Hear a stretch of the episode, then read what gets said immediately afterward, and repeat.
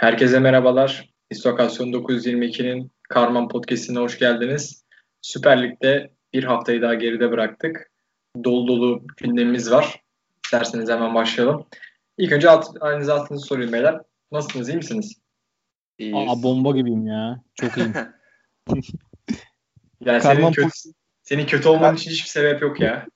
Karman Podcast'a başladığımızdan beri en böyle zevkli geçen haftalardan bir tanesi buydu herhalde. Belki de en iyisi olabilir yani. Embaye Cagne spor. Abi Embaye yani. Cagne. Beğeniriz. İsterseniz ben size kısaca menü vereyim. Evet, Fenerbahçe Beşiktaş maçıyla başladım. Normalde biz sondan başlayan maçlardan gidiyorduk. Fakat pazartesi günü e, çok şaşalı bir maç olmadığı için direkt derbiyle başlarız.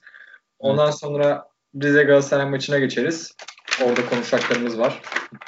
Ertuğrul'un bize bol bol anlatacakları var. Oradan bir Alanya Konya yaparız Anadolu'dan. Ondan sonra Ankara Gücü Trabzon maçını konuşuruz. Abdullah Avcı'nın yeni e, oturtmaya çalıştığı oyunu biraz konuşuruz. Ondan sonra da kapatırız beyler. İsterseniz derbiyle başlayalım. E, 15 yıl sonra te- tarih tekerrür etti.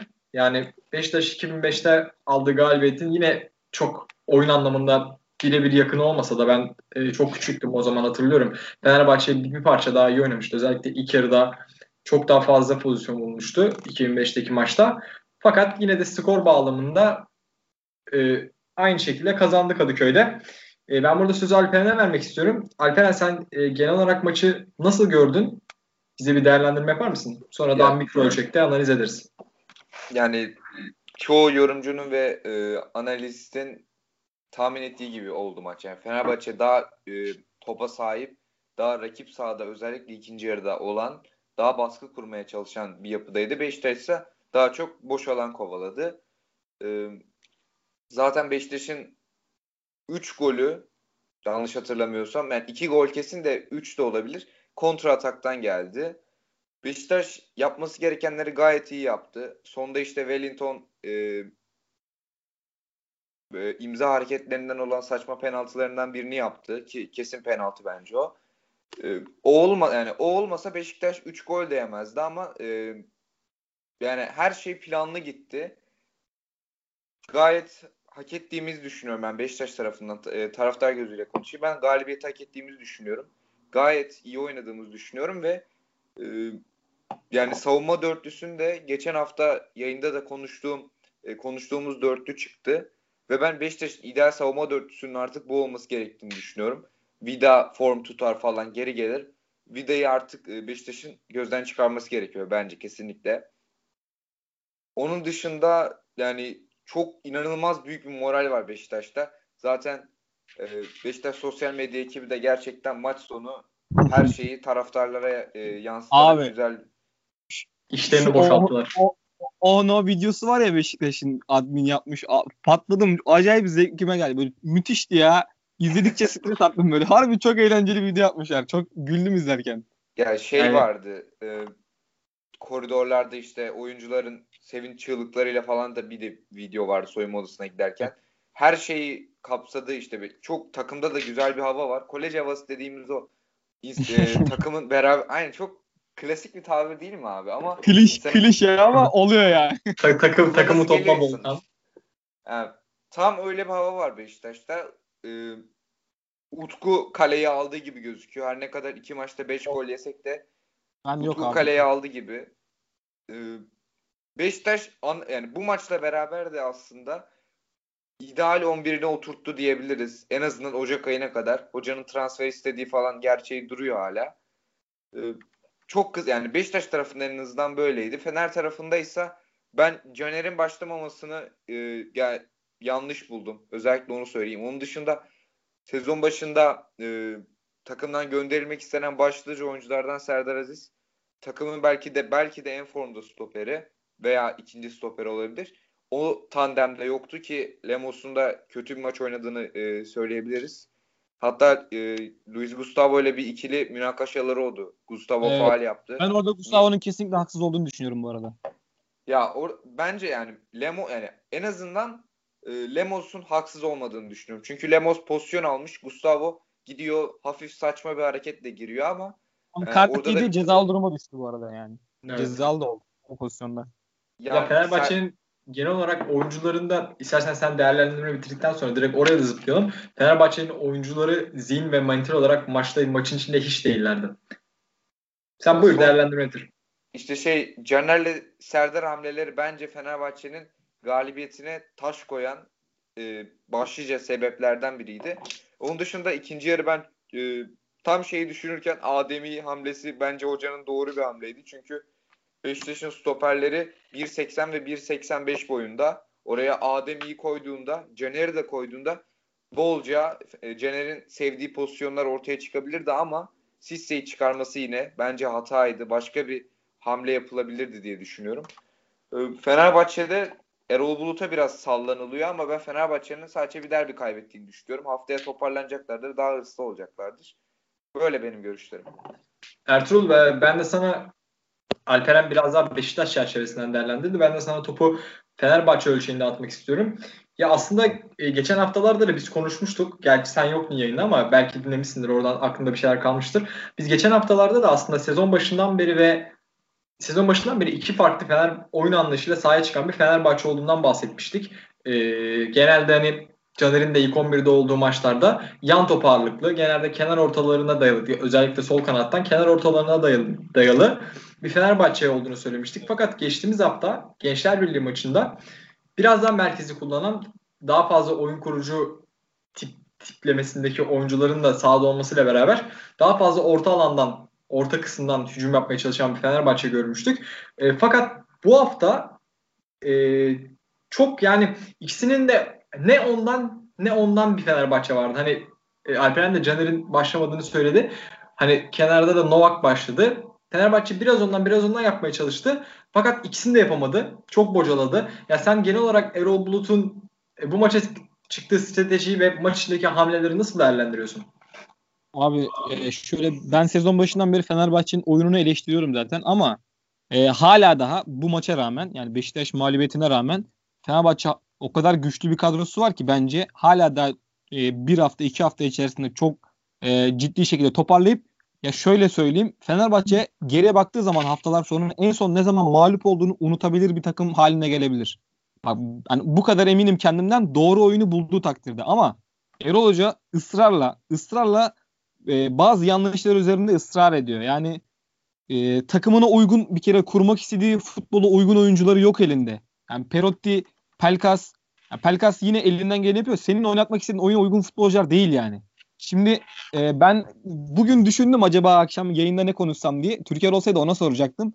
Şimdi Fenerbahçe ile Galatasaray arasında puan farkı yok. İkisi de eşit puanlı. Hatta Galatasaray e, üstte Fenerbahçe'nin sıralama olarak. Evet. Şimdi Fener e, Galatasaray'dan Fenerbahçe'ye e, kim aynı aynı puanlılar? Kim hangi futbolcuyu almak istersin? Daha bir hangi futbolcuyu şu, şu, şu form şu form düzey yani bu haftaki form evet. düzeyini mi düşünüyoruz? Ya form düzeyi yani sadece bu hafta değil ligin geneline Galatasaray kadrosuna bakıyorsun, Fenerbahçe kadrosuna bakıyorsun. Bireysel perform e, bireysel yeteneklerine bakarak oyuncuların Galatasaray'dan kaç futbolcu yani, ya da hangi futbolcuyu takımda görmek ister Fenerbahçeliler? Yani bunu çok merak an, ediyorum. Bunu şu an bütün Fenerbahçeliler ilk önce Tayland der. Ondan sonra özellikle son iki haftadır Galatasaray maçını takip edenler de ek olarak Feguliler gibime geliyor. Ya ben öyle derim en azından. Ya bilmiyorum ben düşündüm bunu tamam mı? Ben e, şimdi Fenerbahçe'nin orta sahasına bakınca Ozan var, Gustavo var, Sosa var, Pelkas var. bunlar oynayan futbolcular bunlar. Gerçi Pelkas biraz daha kanat gibi oynuyor ama e, şimdi Taylan devşirme bir futbolcu. Daha 8-10 numaradan gelip 6 numaraya işte 4-1 e, ön libero gibi kullanılan bir futbolcu. Yani o yeteneklerden yani yetenekli demeyeyim de hani o seviyede değil. Ozan Tufan çok e, iyi oyun takımda şöyle bir kopukluk var. 25. dakikada Beşiktaş bir kontrata çıktı. E, Fenerbahçe takımı geri koşacak. Abi en en son gelen adamlardan bir tanesi Ozan'dı. Topla beraber çıkıp rakiple beraber koşup en son gelenlerden bir tanesi. Gustavo, Mustafa diğerlerinin hepsi koşa koşa geldiler. Pozisyonun olduğu yere. Daha sonra Fenerbahçe kontrata çıktı. Bak bu kontrada da Beşiktaş takım halinde çıktı. Ee, daha sonra Beşiktaş kontraya yakalandı. Bir pozisyon sonra Fenerbahçe 3 futbolcu ile geldi. Ozan Tufan, e, topu sola götürüp ortaladı içeriye doğru kimse yoktu orada yani. Bak Takımda ben sana, evet, ben bir de sana şunu ekleyeyim. E, bize Sosa inanılmaz kötü oynamış gibi gözük. Yani bana göre çok kötü oynadı Sosa. Bunun en büyük paylarından biri de hem Ozan'ın hem Gustavo'nun Beşiktaş'ın savunma hattına çok fazla gereksiz, gerekli siz ne derseniz deyin baskıda olması sebebiyle Sosa geride stoper hattının önünde çok yalnız kaldı. Ve bu sebeple de Beşiktaş'ın özellikle işte e, Beşiktaş'ın orta saha oyuncularının da hücuma katkı vermesiyle Sosa çok kötü gözüktü ve çok yıprandı. Yani ben sen, e, sen burada Ozan'ı eleştiriyorsun. Ben Ozan'ın yanında sezon başından beri çok beğeniyoruz. Geçen sene de çok beğendik. Ben Ama ben burada ben burada ben burada Gustavo'yu da eleştiririm. Hem Ozan hem Gustavo ikisi de çok etkisizdi. Ya benim söylemek istediğim şu haftalardır aklımda Şimdi e, Erol Bulut'un oynatmak istedi. Aslında benim demek istediğim şuydu. Haftalardır bunu söylemeye çalışıyorum. Abi düzgün bir set e, hücumu, e, düzgün planlar, üçgenler, e, işte yani daha böyle çeşitli hücum varyasyonlarıyla rakip kaleye çok rahat gidebilecek yeteneklere sahip Fenerbahçe. Ama bunu denemiyorlar. ısrarla denemiyorlar. Yani sadece şunu merak ediyorum. Abi Ozan, Gustavo yan yana arkada önlerinde 10 numara pozisyonda Pelkas e, solda Perotti ya da Caner Novak arkalı önüne artık kim oynatırsa sağda Valencia önlerinde Sisse. Yani bu Sisse'yi de geçtim Samat da bile olabilir bu pozisyonda bu şekilde. Yani takımı şu hücum şekliyle hazırlamak çok mu zor? Soza e, zaten her hafta 45'te 60'ta oyundan çıkıyor. Yani belli ki e, olmadı yani şimdiye kadar. Bazı sıkıntılar var. E, denenebilir yine. 10 numarada da oynayabilir ama Pelkas enteresan şekilde 60 dakikada oyundan çıkıyor sürekli. İyi oynadığı maçlarda herkes eleştiriyor. Yani Fenerbahçe bu şekli denese yani çok basit. Yani bunun niye olmuyor ben anlamıyorum. Yani bak şu takıma çok ciddiyim. Erol Bulut hala çözüm bulabilir. Malatya'da, Alanya'da yaptıklarıyla hani pragmatist bir hoca olduğunu bize çok net gösterdi. Ama şu takıma diyorum ki lan Ersun Yanal ya da Aykut Kocaman şu takımın başında olsa yani rahat böyle hani stres basardı beni çok fazla. Ama Fenerbahçe şu anki görüntüsüyle asla böyle ben ligin abi sahibiyim. Ben bu sene bu ligin sahibiyim. Bu lig e, benim elimden geçer. Ben istersem şampiyon olurum. Ben istediğim dakika gol atarım. Havasını vermiyor. Ama Aykut Ko- şey Ersun Yanal'ın 2013 2014 kadrosu böyle miydi abi? Yani çok o da güçlü bir kadroydu. Bu da çok güçlü bir kadro. Ama bir türlü oyunculardan istenen verimi alamıyor. E, Fatih Terim'e bakıyorsun. Öbür tarafta e, yani beleşe gelen futbolcular ya bunlar. Emre Taşdemir falan sakatlıklarla boğuşan adamdı kiralık miralık verildi. Bu hafta verdiği performanslar bak Emrak Baba'nın falan kimse beğenmiyor. Emrak Baba'nın artık tamam hani iyi bir Galatasaraylı falan ama çok ciddi bir yatırım yapıldı. Hiçbir karşılık alınamadı. Herkes çok beğeniyor oynanan oyun. Yani bu oyuncuların bireysel performansını biraz e, hocanın dokunması lazım. Bazı yani duyumlar sen... bazı şeyler duydum. E, hocanın da kendi kendine ya bu kadar da olur mu falan dediği şeyler varmış. Var mı yok mu bilmiyorum ama hani Erol Bulut da bence saha içinde tam tam olarak konsantre değil. Malatya'da ya da Alanya'da istediği oradaki gibi bir çalışma ortamı yok Fenerbahçe'de. Ama bunu bilmesi lazım zaten yani. Burası İstanbul, burası büyük kulüp. Burada e, seninle uğraşırlar. Burada kulübün içinden dahi sana böyle e, farklı çatlak sesler gelecektir ya da fark, farklı şeyler gelecektir. Senin bunların hepsini göğüsleyip bunlara rağmen takım yani sağlam bir takım çıkartman lazım. Yani Erol Bulut bunlara rağmen yapabilir birçok şeyi e, ben e, Gençler Birliği maçı yok Gençler Birliği maçından önce değildi. Bir puan kaybı oldu. Konya maçından sonra. Evet. Dedim ki Fenerbahçe buradan çok fazla çok fazla hani faydalı çıkabilir. Hani kaç 2-3 hafta geçti ben hala aynı noktadayım. Buradan çok avantajlı çıkabilir. Sadece e, ya Galatasaray olduğum için oradan örnek veriyorum yine. Fatih Terim'in 2011-2012 sezonunda e, 7. hafta mı 8. hafta mı ne kötü gidiyordu Galatasaray. İlk 10 hafta falan kötü gidiyordu. 12. hafta da olabilir. Bir 4-2'lik bir Gaziantep yenilgisi var.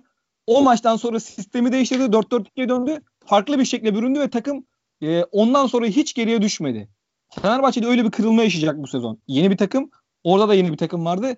Ama Erol Bulut bunu ne kadar erken yaparsa o kadar iyi. Gerçi önünde çok daha uzun bir süreç var ama yani bunu bekliyor herkes yani. O patlamayı, o, o değişikliği yapacak. Ya ben, hoca o dokunuş yapacak ve takım uçacak yani. Ya ben, ben böyle aslında bir şey şahsen ben aslında şahsen e, bu kırılma noktasının iki hafta önceki içeride alınan Konya mağlubiyetinden sonra olacağını düşünüyordum. Fakat Erol Hoca evet. Erol Hoca verdiği kararlar ölçeğinde bu olmadı. Yani tekrar aynı ya aslında Erol Hoca yaptığı değişiklikleri itibariyle işte sahaya attığı oyuncular itibariyle çok böyle oyuna etki ediyormuş gibi gözüküyor ama bence Erol Hoca kendi maç öncesinde kafasında olan muhafazakar oyun planından çok fazla sapmıyor maç içinde. Yani özellikle maçın gidişatına göre daha agresif kararlar vermesi gerektiğini düşünüyorum ben.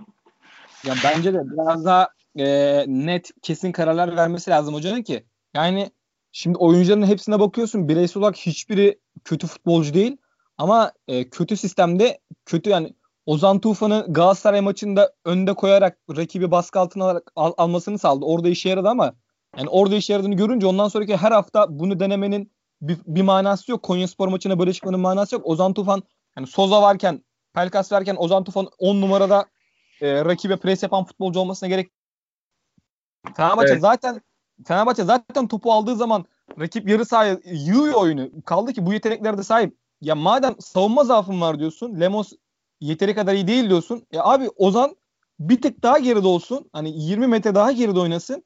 E, takımın savunma açıklarını kapatabilir çok rahat. Bu yeteneğe sahip bir futbolcu yani. Gustavo ile beraber. Gustavo da bak takımın en iyisi diyoruz.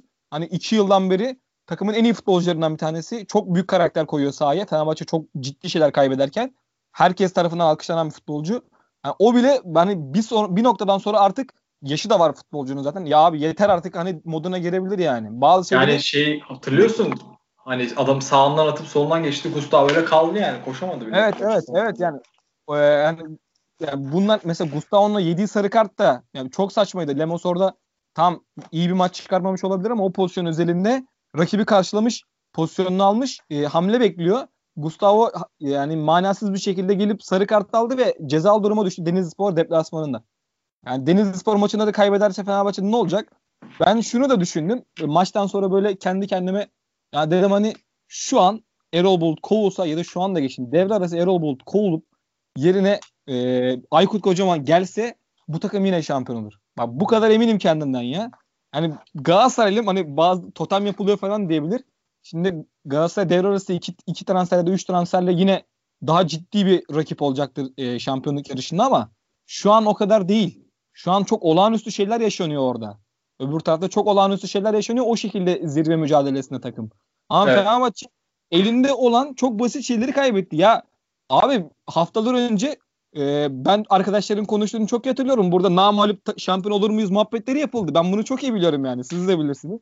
Yani yani burada e, nereden nereye geldik? Ben Ertuğrul, e, Ertuğrul biliyorum sen e, çok dolusun da Alperen Alperen uyut Alperen uyutmayalım orada. Alperen sen de istersen Fenerbahçe hakkında bir iki tane yorum yap. Ondan sonra Beşiktaş cephesinden konuşmaya devam edelim. Ya yani Fenerbahçe'yi zaten Ertuğrul bayağı iyi özetledi. Ben bu arada yani şöyle bir şey demek istiyorum e, kağıt üstünde Fenerbahçe'nin yaptığı en önemli 3 transfer olarak gözüken Mert Hakan, Sosa ve yani hem e, ligdeki işte Trabzonspor'a misilleme açısından hem de işte e, ses getirme açısından Sosa, Novak ve Mert Hakan transferlerinin en önemli 3 transferden ikisinin en azından e, şu anlık patladığı şeyi var. E, yani gün gibi ortada. Novak çok çabuk e, takım içinde kaybı, kayboluyor gibi bir his var bende. Ama zaten bunu bilerek gelmişti sanırım. Yani, yani bu maçta bence kazanılma e, Erol Hoca Nova'yı kazanmak için ilk 11'de başlattı ama yanlış maçtı ve Nova'ya çok daha kötü etkisi oldu. O sol bek tarafından ben biraz daha böyle konuş, e, bir şeyler söylemek istedim. Çünkü Fenerbahçe'nin en önemli hücum silahı belki de oynamadı ve e, bu Fenerbahçe'yi zorladı.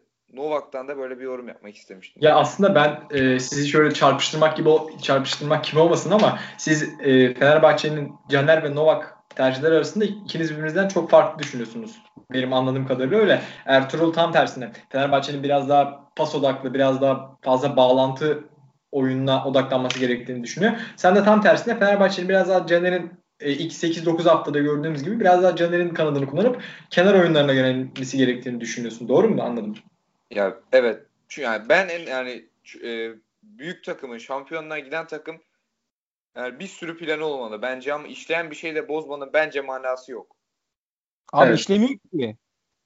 Ya sorun şu. Bunu bak bunun idrakına, bunun ayırdığına bir türlü şey farkamıyoruz bence. Şöyle söyleyeyim. Bak şöyle anlatayım bence anlayacaksın. Takım çok güçlü. Bireysel olarak çok güçlü futbolcular var tamam mı? Ger yani ligin e, ortalamanın üstünde. Galatasaray'ın hücumcularından da Beşiktaş'ın hücumcularından daha iyi futbolcuları var Fenerbahçe'nin. Orta sahası çok güçlü bir takım zaten. Yani bireysel olarak bakınca hepsi çok iyi futbolcular. E, yani ilk 8-9 hafta Caner'in e, kanadının yüklenmesi, orta kafa muhabbeti tam çok fazla konuşuldu. Çok fazla orta sayısı falan filan ama yani e, o güçlü oyuncularıyla kazandı Fenerbahçe. Bu çok ciddi işleyen bir plan değildi. Fenerbahçe'nin zaten çok güzel işleyen bir planı olsa yani o oyundan tat almamazlık vardı tamam mı? Yani tamam Fenerbahçe kazandı ama yani o istediğin hazzı o, o tadı alamadı birçok kez taraftar. Yani bunu ben de yaşadım yani futbol sever olarak. Ya Fenerbahçe o iştahlı oyunu, o kaliteli, o planın tamamen işlenmesini o, onları yaparak kazanmadı maçları yani. yani. İşlenmiş plan diyorsun ya bu değildi.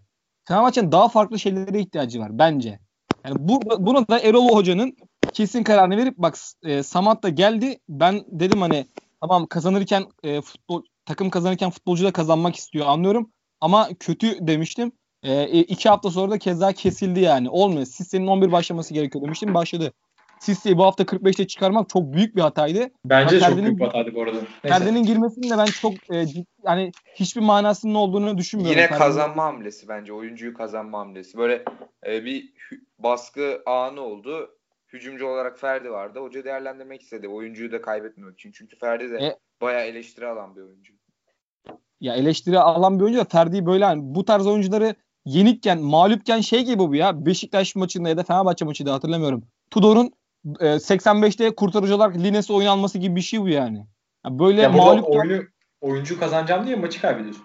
Evet maçı kaybediyor. Yani maç gerideyken hani Fenerbahçe iki farklı önde olsa Ferdi oyunu alsa zaten Beşiktaş'ın gardı düşmüş olur. Ferdi de şovunu yapar da gol bile atabilir. E, o özgüveni de sağlayabilirdi. Ama yok yani çok Beşiktaş maça şöyle söyleyeyim. Çok inanmış, çok istekli başladı. Ben hiç böyle performans beklemiyordum. Abu Bakar konusuna demek istiyorum özellikle. Abi Porto'yu futbol tarihinde kazıklayan ilk camia Beşiktaş olabilir. Yani herkes Porto'dan ya Kazıklama çok yedi. olmuyor ya. Çünkü Porto'nun da çok ihtiyacı olduğu bir oyuncu değildi Abu Bakar son sezonda özellikle. Çok maliyetsiz gelmedi mi bu adam? Yani bonservisini bıraktı.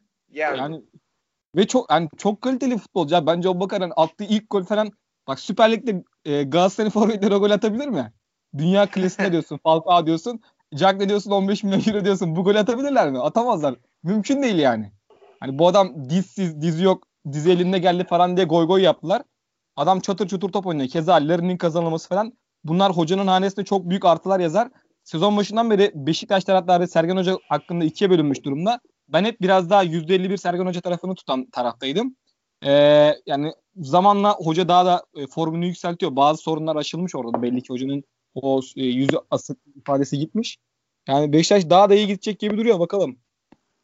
Çok kısa Alper, Necip Uysal yapalım abi. Yani, tabii ben, ben sana şöyle vereyim. Daha Beşiktaş konuşalım. Ee, daha vaktimiz var. Ben sana ya özellikle Sergen Hoca'nın büyük maçlarda oyuncularını çok farklı bir şekilde motive etmesini sormak istiyorum. Yani sezon başından beri 3 büyük maç diye nitelendirebileceğimiz maçta 9 puan alındı. Trabzon maçı, Başakşehir maçı, Fenerbahçe maçı. Sen e, Sergen Yalçın'ın bu büyük maçlarda farklı motivasyonunu nasıl değerlendiriyorsun? E şimdi bir sağ dışı biten de e, sağ içi nedeni var. Sağ dışı neden? Ya Sergen Yalçın biraz daha böyle e, işte yok gegenpress, paslı oyun. Öyle bir adam değil yani. Oturup oyuncularla benim ve çoğu kişi, kişinin gözlemine göre öyle bir hoca değil. Daha çok işte biz Beşiktaş'ız. İşte sahaya çıkacağız, oynayacağız. Böyle e, oyuncuları ateşleyen bir hoca profiline sahip. E, oyuncuyken de zaten bununla beraber oynayan, bununla beraber şampiyonluklar yaşayan bir e, adamdı. Sağ dışında oyuncuları çok iyi, maça kafa olarak bence oyuncuları çok iyi hazırlıyor. Bakın derbi oynayacağız. Bakın işte ezeli rakip, önemli maç, büyük maç, şampiyonluk yolunda falan filan diye oyuncuları iyi hazırlıyor. Ve 3 maçı da e, yani 3 maçı da izleyenler bilecektir. Beşiktaş 3 maçta da daha çok geride kontra atak bekleyen, rakibin hatasını kollayan bir yapıdaydı. Diğer maçlarda Beşiktaş daha e, topa sahip olarak oynamak zorunda kaldı ve Beşiktaş o maçlarda zorlandı.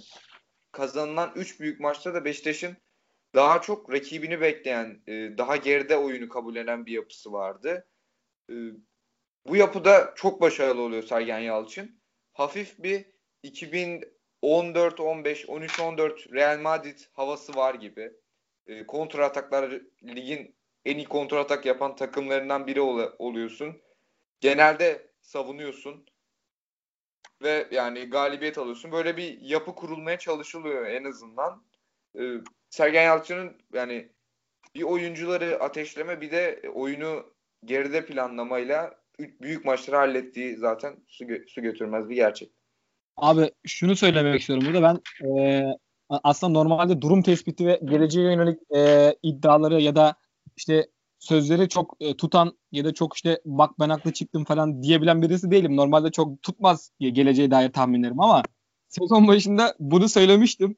Yani tutması da beni ayrıca bir e, hoşuma gitti, gururlandırdı.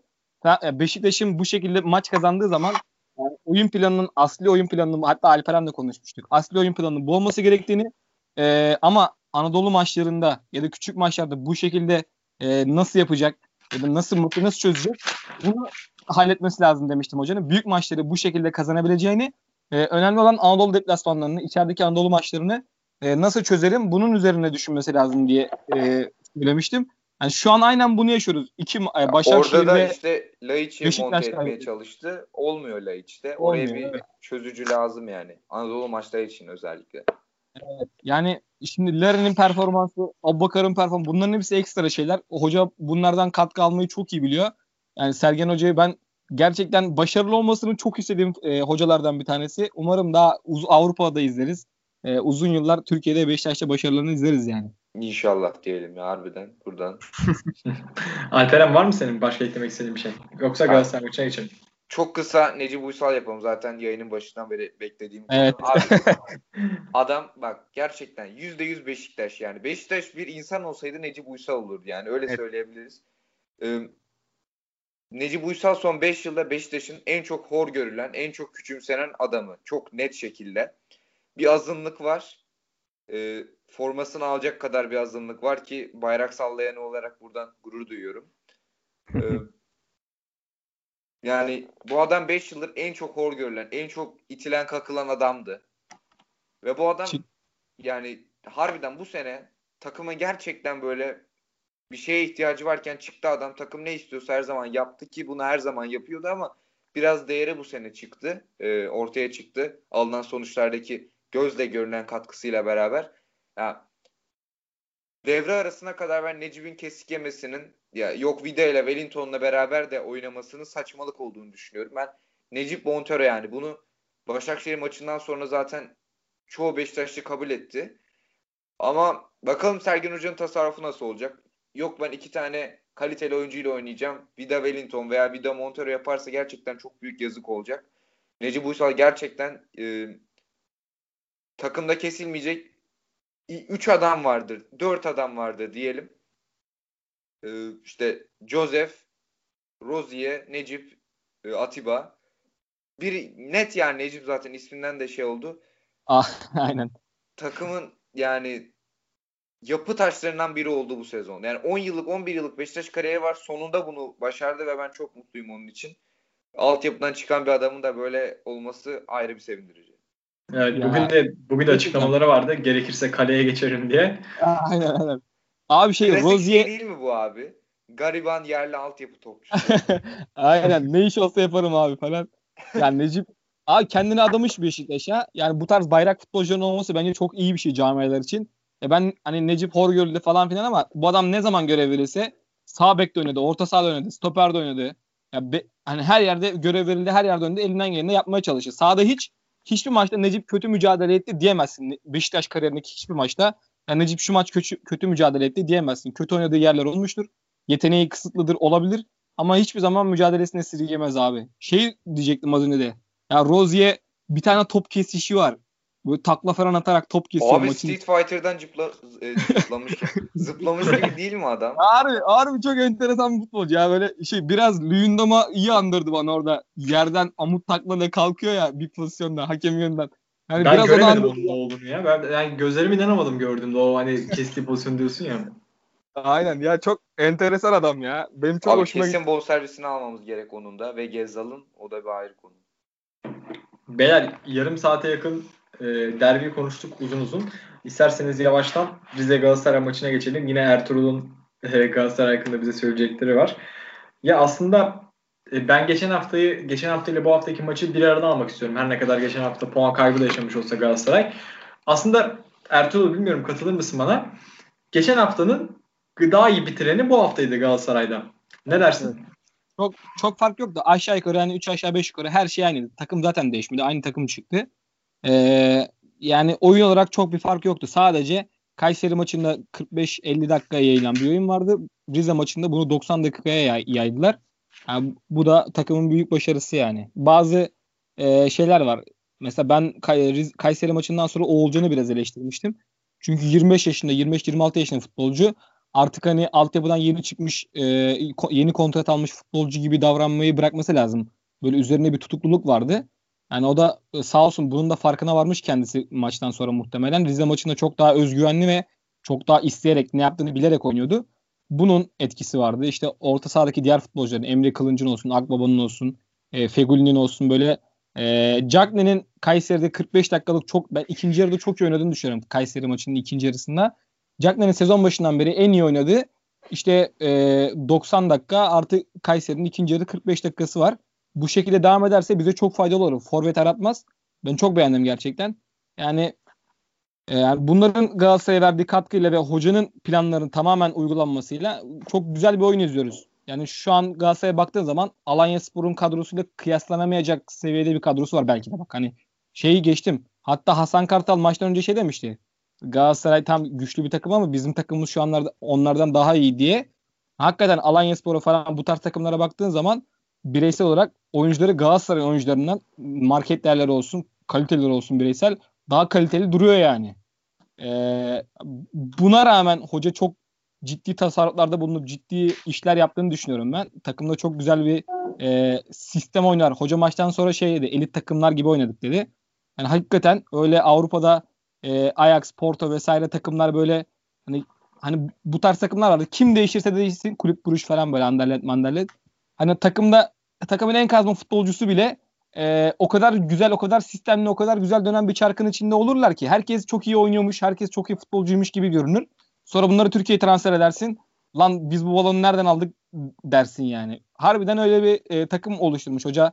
Bir haftadır, iki haftadır böyle bir zevkli futbol izliyoruz. Dört golde cabası oldu.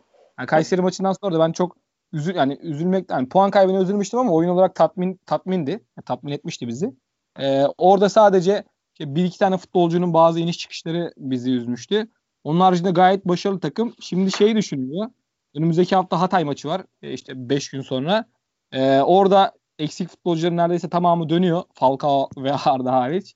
E, yani orada hoca işte takımı bozar mı bozmaz mı falan diye şimdi bir tartışma var.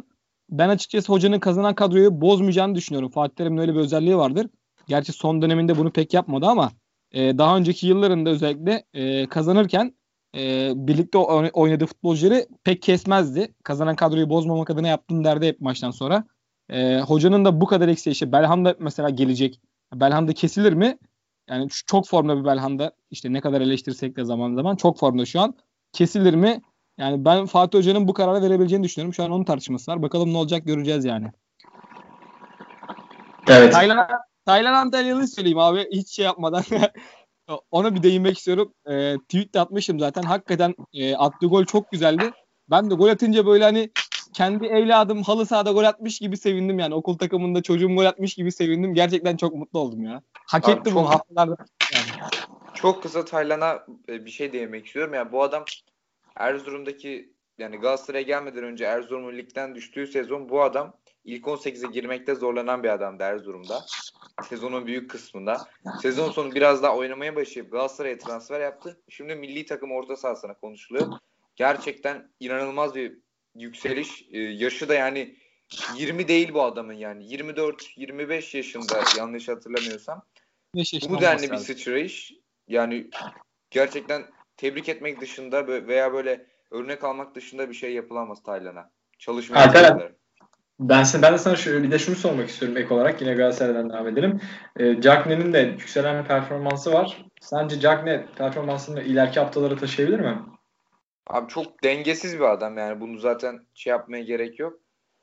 Haftaya mesela ayağına top gelmez veya aldığı topu taca vurur falan öyle bir oyun da olabilir. Çıkar yine 3 atabilir. Ben Cagney'den düzenli bir performans beklemiyorum eğer Galatasaray olsam, Galatasaray'ın e, Fatih Terim olsam böyle her hafta Cagney bir tane sallar diyemem. Ama yani 11'in şu anki nihai santraforu Cagne. Falcao gelince ne olacak? Falcao yani Cagne böyle devam ederse Falcao Türkiye Kesemez Ligi, abi. yani Türkiye Ligi'nde yedek kalmayı nasıl e, sindirir? O da ayrı bir şey. Yani Abi, ilginç bir durum var yani. yani Galatasaray. Yani, Yani- sindirmekten yani- şey adam yani kariyeri ortada zaten. Ulan Türkiye'de yedek kaldım diye böyle bir şey kapanırsa o kadar para ödeniyor falan e, yedek oturtulur yani Falcao'nun yedek oturtulması hem Galatasaray'ın içini bozar biraz bence hem de mali olarak yöneticileri de e, memnun etmez. Ya abi Falcao zaten e, oynasa da oynamasa da o parayı alıyor. Falcao transferi de hani satalım para kazanalım gibi bir durum da yok. Zaten şu an devre arası Inter Miami'ye transferi konuşuluyor Miami'ye. David Beckham'ın takımına transferi konuşuluyor ciddi derecede. Hatta geçtiğimiz aylarda forması basıldı falan bile dendi yani. Böyle şeyler bile dola- dolaştı. Yani Falcao e, evet 5-6 gol attı ligde. Şu an gol kralı sıralamasında 3. sırada. Ama Şimdi Marka ile aynı sakatlığa yakalandılar. Marka 2 haftada döndü. Falcao bir aydan fazla oldu. Hala dönecek. Hala antrenmana başlayacak. Bekliyoruz yani. Oynadığı zaman e, genel olarak çok kötü oynadığını düşünmüyorum ama şimdi Cagney'in bu haftalık, e, bir buçuk haftalık performansına bakınca e, yani şu Cagney'i kesebileceğini düşünmüyorum. Cagney'in ben ilk Galatasaray'a transfer olduğu o yarım sezonda e, çok fazla eleştiri olmasına rağmen ben yine çok memnunum Cagney'den. Gerçekten çok, Çok, kötü değildi yani bence de adam yani, Yani ben gol o- krallığını o- bırakmadı kimseye. Evet yani o zaman da o zaman dahi yani e, çok- hani beğeniyordum Cagney'i çok fazla. Ondan sonraki sezon işte e, sezon başı olmadı, kiralandı, oynamadı, geri geldi falan filan. İşte olmamıştı. Şimdiye kadar hep kötüydü Cagney. Yani hatta ben daha önce burada Babel takımın birinci santrafor demiştim yani. Falcao'ya e, Cagney önünde demiştim. Falcao sakatken. E şimdi Cagney formayı geri aldı ve çok iyi bir oyun sergiliyor. E, geride e, orta sahaya gelip çok iyi duvar oluyor. Takımı çok iyi hücuma çıkartıyor ve e, post opsiyonlarını e, fazlalaştırıyor yani. Böyle bir taktik var Galatasaray'da. Yani Cagney tak- set hücumunu set hücumunu başlatmada çok önemli bir etken. O, rakip yarı sahaya yerleşmemizi sağlıyor ve e, Falcao'daki gibi de değil. E, Falcao stoperlerin arasında sürekli eziliyor. Cagney ezilmiyor. Kendini ezdirmiyor. Kaybolmuyor da. E, rakip stoperler de rahat rahat hareket edemiyor Cagney oradayken. Yani o, o güveni takıma veriyor. E, o rahatlığı veriyor. Yani bir anda 40 metre 50 metre gerideyken bir anda 50 metre ileride oynamaya başlıyorsun. Cagney'in varlığı bu, bu, bu noktada çok kıymetli olduğunu düşünüyorum. Şu performansıyla. Ya ben çok beğendim oyununu.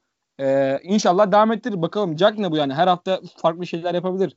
Çok enteresan, çok spektaküler bir futbolcu. Ya Ve- tek kötü yanının kötü yan ne kadar doğru bir terim bilmiyorum ama tek kötü yanının ben bu devamlılık yani sürekli iyi olmadığı için. Yani Evet. Ya İstikrarsız. dediğim gibi haftaya her topu taca da vurabilir. Yine 3 tane yani sallar hat-trick yapar, topu götürür falan. Yani biraz daha güvenilir bir adam olsa ben zaten 27-28 yaşında Kasımpaşa'dan sonra Türkiye Ligi'nde kalmay- kalmayacak seviyede bir adamdı yani. Her ne kadar yaşı biraz da geç Evet. olsa da Galatasaray Yani iki senedir zaten ya Galatasaray iki senedir zaten sorunu dediğin gibi devamlılığı olmayan futbolculara sürekli gidilmesi. Yani Seri Lemina Falcao da böyleydi. Falcao yani. böyle, e, Babel böyleydi. Yani bu hep devamlılığı olmayan, sürekli az olan futbolculara gidildi ve hani başarısızlıklar da bu şekilde geldi yani. Geniş bir kadroda çok fazla kurulamadı. Bu şekilde başarısızlıklar geldi. Yani bu sezon umarım bunu kırarız artık da. Hani Galatasaray olarak bu kırılır artık. Böyle Cagney'den şöyle bir, bir 20 gol 30 gol izleme şansına sahip oluruz tekrar. E, bir de Ertuğrul Muslera'nın döneceği söyleniyor 2-3 haftaya. Sen bir bilgin var mı o konu hakkında? Abi şöyle geçen hafta Uruguay'da e, yerel yerel bir takımla şehrinin takımıyla antrenmanlara başlamıştı. Bu hafta İstanbul'a geldi. Takımla takımla çalışmada bireysel çalışmalara başladı. E, birkaç gün içinde de takımla çalışmalara başlar muhtemelen. E, biraz hani Aralık ayının ortalarında falan hani 15-20 gün sonra ya da Aralık'ın sonuna doğru döneceği söyleniyor. Bilmiyorum e, artık ne, ne derece doğrudur ama ben Kasım Aralık gibi bekliyordum zaten dönüşünü. E, bu zamana denk geldi. Yani umarım döner yani. Diyecek bir şey yok. Fatih Abi dön, dönmesi yani. durumunda çok kısa yorum yapayım. Eğer Mustera sezonun ilk yarısına dönerse benim kişisel görüşüm bu tabii ki. Mustera'nın fiziğinin insan dışı bir şey olduğuna inanmaya başlayacağım ben. Evet o Yani- sakatlıktan. Ya Yani inanılmaz kemik- ya. Her yani şey deniyordu. e, Şubat falan deniyordu. Sonra o hep Evet. erkene çekilmeye başladı. Ocak'ta dönebilir. Şimdi Kasım Aralık deniyor. Yani inanılmaz bir çalışma etiği, sporcu bilinci. Yani sakatlığı yenmiş Muslera yani. Bunu şimdiden bile söyleyebiliyoruz. Yani umarım evet. döner. Aslında ben Okan Koçuk'tan e, çok memnunum. E, oynadığı futboldan geldiğinden beri ben her forma şansı bulduğunda bazı o geçen geçen yılki pandemiden sonraki 8 haftada falan e, çok şanssız zamanları oldu. Takımın tamamen sorunuydu. Ben Okan Koç'un kalede kesinlikle bireysel ciddi sorunlar olduğunu düşünmüyordum. Yetenekli bir kaleci olduğuna hep inandım. Hala da inanıyorum. Ee, Galatasaray bu yolda giderken Okan Koç'a güvenebilir ama Muslera'nın olması çok ciddi psikolojik bir faktör yani. Bu apayrı bir şey. Bir tutulamaz. Ee, Okan kalede arkada kesinlikle bekleyebilir. Kesinlikle güven veren bir isim ama Muslera'nın dönüşü, onun kalede olması hani hani daha önce konuşuldu burada. Ee, hani Serdar Ali mi söylemiş haksız rekabet diye. Hakikaten hani rakip futbolcu forvet topa vururken kalede Mustera var e, biraz da titreyerek yani o özgüvensizlik oluşuyor yani ister istemez Mustera varken kalede. Çünkü bazen öyle toplar oluyor ki bir şekilde girmiyor yani. Adam bir şekilde almıyor topu içeri. Yemiyor yani. Takımına evet. şampiyonlukların e, büyük çoğunluğunda son 10 yıldaki Mustera'nın etkisi varsa yani bu artık kalecinin üstünde bir performanstır yani. Bunu başardı sağ olsun. Ben de e, Galatasaray'ın ezeli rakibinden bir takımı tutan birisi olarak bile Muslera'nın bu ligde var olması yani o sahada gördüğün zaman bile insan bir farklı hissediyor. Ligin gerçekten çok değerli oyuncularından. Ee, yoksa Galatasaray daha doğrusu Rize Galatasaray maçının hakkında eklemek istediğiniz bir şey. Namalup lider Alanya'nın maçına geçelim. Geçelim abi. Geçelim. Yani tamam ligin çok daha ufak bir kısmı geride kalmış olmasına rağmen namalup lider Alanya diyoruz ve bu gerçekten benim çok garibime gidiyor. Yani, ve maç eksiyle 3 puan evet. fazlası var. Maçı kazansa 6 puan farkla lider bu adamlar yani. Evet yarın mıydı maçı yoksa bugün müydü ben tam bilmiyorum. Bu hafta Göz, içinde ya da Evet erteleme maçı. Önümüzdeki hafta da oldu. Neyse. Yani ben Konyaspor maçını seyrettim. Konyaspor da aslında ligin flash ekiplerinden. Hani bizim klasik alıştığımız Aykut Kocaman Konyaspor'undan çok farklı bir oyun oynuyorlar. Yani ama Alanya Konya'nın oyunu inanılmaz bozdu. Pozisyon dahi vermeden mağlup etti yani bir Çağdaş Atan hocama saygılar duyuyorum bundan. Saygılarımı yolluyorum. Duyalım bir abi. Alanya değerlendirmesi yapalım beyler isterseniz. Genel olarak. Alperen başlamak ister misin? Başlayayım. Ee, yani Alanya Spor bir de şöyle bir istatistik görmüştüm. Avrupa'nın 5 büyük ligi artı Süper Lig'de yani 6 ligde kıyasladığımızda Alanya Spor Avrupa'nın e, bu 6 lig içinde en az gol yiyen ikinci takımı. Birincisinin Atletico Madrid olması gerekiyor. Lig performansları bazında. E, Atletico Madrid 9 maçta 2 maç eksiği var onların da. 9 maçta 2 gol yediler. Alanya Spor 9 maçta 3 gol yedi. Alanya Spor yani Süper Lig tarihinin en iyi başlangıçlarından birini yapmış olabilirler. E, herhangi bir takım adına. Göztepe ile İzmir'de oynayacaklar. E, Maalesef depremden dolayı ertelenmişti maç. Ee, orada da bir deplasman, zor bir deplasmana gidiyorlar ama oradan da bir deplasman galibiyeti yani Alanya Sporu ardındaki üç büyüklerin iki tık önüne koyar benim gözümde. Puan olarak da iki maç önüne çıkıyor. Seviye, mentalite olarak da ben 2-3 seviye daha üstte olacaklarını düşünüyorum. Yani bu takım inanılmaz yani oyuncular zaten 3 hocayla falan çalıştılar son 3 yılda. Hep aynı adamdı işte. Zavellas, Marafona, e, Bakasetas, sağda iki Tüfekcan. buçuk, Bakasetas, Juanfran, e, Sisse vardı o gitti. E, hep böyle ad, aynı adamlar. Hoca geliyor her sene üstüne koyuyordu. Bu ben, oyuncuların da çok büyük e, efor sarf ettiğinin bir göstergesi. Yani hocalar gidip geliyor, oyuncular aynı kalıyor ama takım hep üst seviyeye çıkıyor. Gerçekten bu takım içindeki antrenman seviyesinde ne kadar iyi olduğunu, oyuncuların bilincinin ne kadar yüksek olduğunu bence göstergesi. Onun dışında e, yani bu savunmaları inanılmaz bir şey. E, müthiş savunmanın evet. tek kötü parçasında bize kilitlediler Wellington. E, yani Wellington değil de Colker'ı alsaydık mesela Alanya nasıl olabilirdi? Şu an ben mesela onu düşünüyorum. Veya biz nasıl olabilirdik? Beşiktaş ligin en çok gol yiyen takımı dördüncüyüz ama ligin en çok gol yiyen takımıyız. Bu garip geldi biraz bana. Ee, Alanya yani gerçekten inanılmaz bir takım Alanya Spor. Burada sabaha kadar Alanya Spor'u övebilirim. Ee, bir Süper Lig izleyicisi olarak da tabii ki takımın şampiyonluğunu istiyorum ama Alanya Spor'un şampiyonluğuna gerçekten Alanya Spor taraftarı gibi sevinebilirim. Ee, çok üst düzey oynuyorlar. E sizlere de çok uzak değil zaten. Belki kutlamaları gerçek Aa. pandemi koşullarında nasıl olacağını bilmiyoruz ama kutlamalara da gidersin belki. Alanya, Avrupa maçlarına net giderim. ya abi Alanya Spor şimdi Fenerbahçe'nin orada başka bir derdi var. İşte kadroyu takım niye oynamıyor? Galatasaray'ın işte bin bir tane eksik var. Sezon nasıl bitecek? Onu düşünüyor. Beşiktaş işte e, sıkıntılarını kurt mali sıkıntıları var. Kadro kurmakta sıkıntı çekiyorlar. E, transfer olacak mı olmayacak mı bunlar konuşuluyor. Alanya'ya bakıyorsun abi maç eksiğiyle e, adamlar lider ve ufaktan ufaktan da gidiyorlar yani. Çok e, enteresan bir şekilde e, kadrosuna bakıyorsun. Çok har- harbiden hani Alperen'in söylediği gibi hocalar değişiyor. Şimdi burada e, Erol Bulut'un da Çağdaş Hoca'nın da daha öncesinde Okan Buruk mu çalışmıştı Alanya Spor'da? Sergen Yalçın demiş. Sergen, Sergen, Yalçın. Hoca, Sergen Hoca da çalıştı evet. Aynı yani, adamlarla mı? Ya, yani futbolcuların çoğunluğu aynı. İşte Sisse gitti Babakar geldi. Bu hafta da golünü atmış zaten. Yani çok e, üst burada bir yönetimin başarısından öncelikle söz etmek lazım. Daha sonra futbolcuların ve gelen hocaların çalışma disiplini burada yönetimin hoca seçimlerinin ne kadar doğru ne kadar isabetli olduğunu biz görüyoruz. Yani Çağdaş Atan bir anda e, belki farklı bir takıma gitse istediklerini yapamayabilir, yaptırmayabilirlerdi. Burada bir anda Süper Lig'in kalbur üstü hocalarından bir tanesi oldu yani daha ilk sezonunda. Ya evet. ben çok başarılı olduğunu düşünüyorum. Bakalım Alanya Spor bu sene çok ciddi sıkıntılar olmazsa e, muhakkak şampiyon olur mu olamaz mı bilemem ama daha ligin çok başı. E, Avrupa kupalarına katılımını kesinlikle kazanacaktır hakkını. Yani çok iyi bir takımları ve çok iyi bir sistemleri var. Bu şekilde çok iyi gidiyorlar. E, Galatasaray falan da mağlup ettiler zaten herhalde. Bizi 2-1 mi yenmişlerdi? Evet.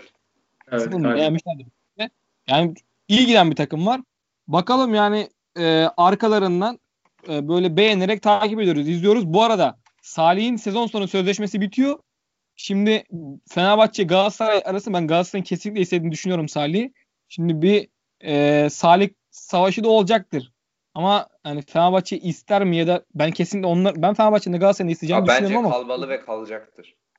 Bence farklı bir büyük takımlardan özellikle Galatasaray e, çökebilir gibi geliyor. Hatta Beşiktaş bile çökebilir.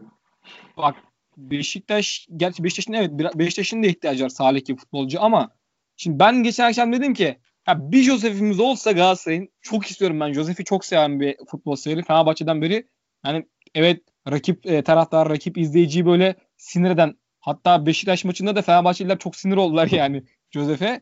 E, ona rağmen çok seven bir futbol severim abi. Josef'i izlemesi, e, oyun tarzı falan beni acayip mest ediyor. Çok seviyorum.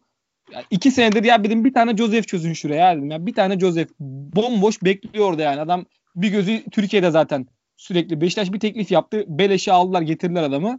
Galatasaray'ın bir tane Joseph olsaydı bu sezon çok çok ciddi yaraları sarılabilirdi. Hani liderlik yarışında çok daha fazla puan toplamış olabilirdi. Yani Beşiktaş e, Joseph farkıyla maç çözüyor. Başakşehir, Alanya, e, Fenerbahçe maçları bu şekilde çözüldü ve çok ciddi bir sezon geri kalanında katkı sağlayacaktır. Yani Atiba Matiba zaten çok ekstra performanslar veriyorlar. Çok iyi oynuyorlar. Yani Şimdi Tayland'dan beklediğimiz performansın daha iyisini ya da daha farklı görevdekilerini buradan alabilirdik.